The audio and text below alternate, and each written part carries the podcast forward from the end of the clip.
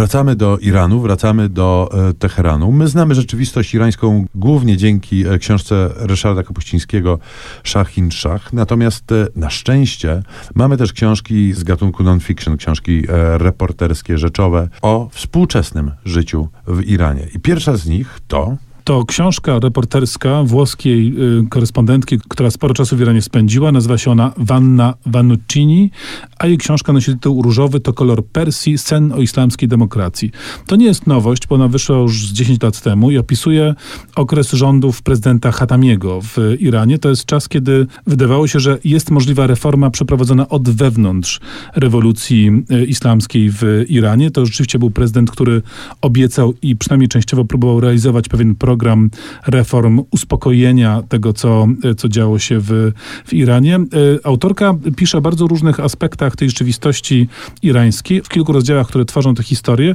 Ja oczywiście szczególnie zapamiętałem te rozdziały poświęcone literaturze, bo, tam całkiem sporo miejsca twórcom y, literatury się poświęca. Jest tam rozdział, który opisuje bardzo dramatyczną historię y, Związku Pisarzy Irańskich, którzy byli bardzo prześladowani przez rząd szacha, potem byli bardzo prześladowani przez rewolucję i generalnie rzeczywiście są takim trochę papierkiem lakmusowym pokazującym y, y, tendencje aktualnego rządu, czy też fragmenty dotyczące poezji i jej miejsca w życiu współczesnego Iranu, to, to jest taki trochę stereotyp. Nam się kojarzy Persja z, ta dawna Persja z dawną perską poezją, ale ona wciąż żyje, wciąż jest jakoś tam obecna i istotna. Więc książka publicystyczna, polityczna, społeczna, ale z bardzo silnym akcentem kulturowym i literackim. Kolejna książka jest książką napisaną przez e, znawcę e, współczesnego Iranu, który jest zresztą dobrze obecny w polszczyźnie, bo dwie jego bardzo poważne książki, e, właśnie takie publicystyczne, zostały w Polsce opublikowane. Natomiast trzecia z tych książek jest książką, która opisuje życie codzienne we współczesnym Iranie. Nazywa się Ministerstwo Przewodnictwa uprasza o niezostawanie w kraju, a napisana została przez Humana Majda.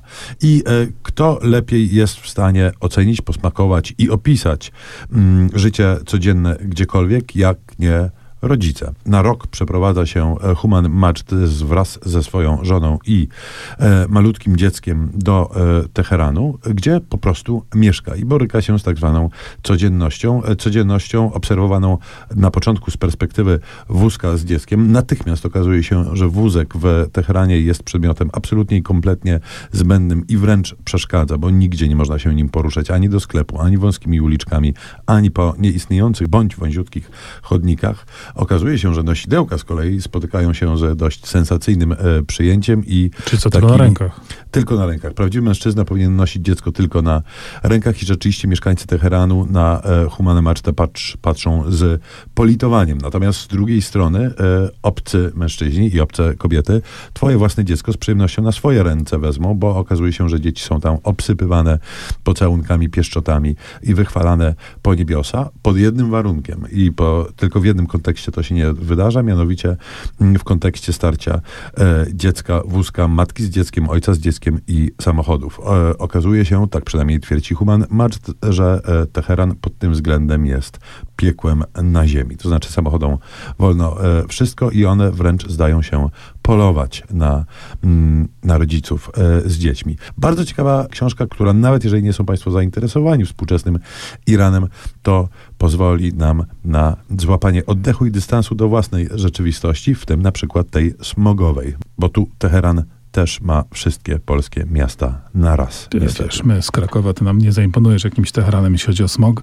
Jednym słowem, mamy y, pewne smaczki, mamy pewne informacje, pięć książek, które rzeczywiście pozwolą nam, no nie wniknąć, tylko liznąć Iranu.